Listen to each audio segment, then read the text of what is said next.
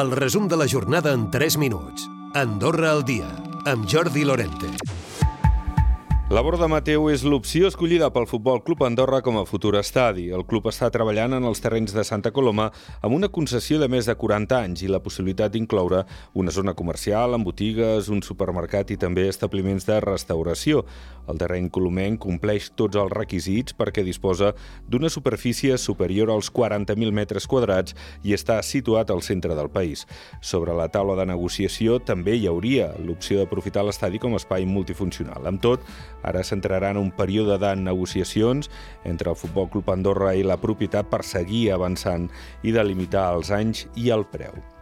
Andorra Turisme ha creat la marca Andorra Selected, un recull d'una vintena d'empreses que representaran Andorra en l'àmbit del luxe, restaurants, hotels i botigues que han estat escollits per experts internacionals i que han de servir de reclam per assolir més benefici amb menys persones al país. En parlava el ministre de Turisme en funcions, Jordi Torres. Estan implementant moltes mesures per ser cada vegada més atractius i cada vegada oferir millors experiències. Farem una segona fase d'avaluació perquè aquesta segona fase d'avaluació doncs, es puguin acabar de valorar totes les empreses que ho han sol·licitat, que en queden, en queden poques, per poder arribar, jo us dic, més o menys a final d'any, nosaltres pensem a una trentena d'establiments.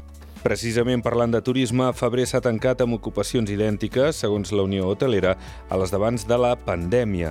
El segon mes de l'any ha assolit una mitjana del 85%.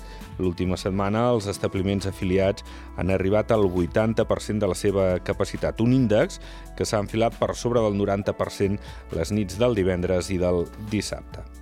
La decisió del tercer vol a Madrid podria quedar pendent per després de les eleccions i no anar tan ràpid com volia el ministre d'Economia en funcions. El president de la Cambra de Comerç creu que cal deixar passar el període electoral i reprendre-ho després. És Josep Maria Mas. Hi ha hagut una bona part d'empreses que sí que s'han manifestat favorables, però que de moment està encara amb aquesta fase pot ser una mica... No sé si anirà tan ràpid com realment hem pogut sentir o, o sí, tant de bo. Uns 11.000 vehicles no han passat mai l'ITB.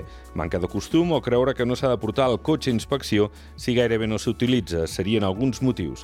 3.400 havien de passar la primera revisió l'any passat i no ho van fer. La sisena jornada de vaga general a França contra la reforma de les pensions ha tingut poca repercussió al sistema de l'ensenyament francès al país.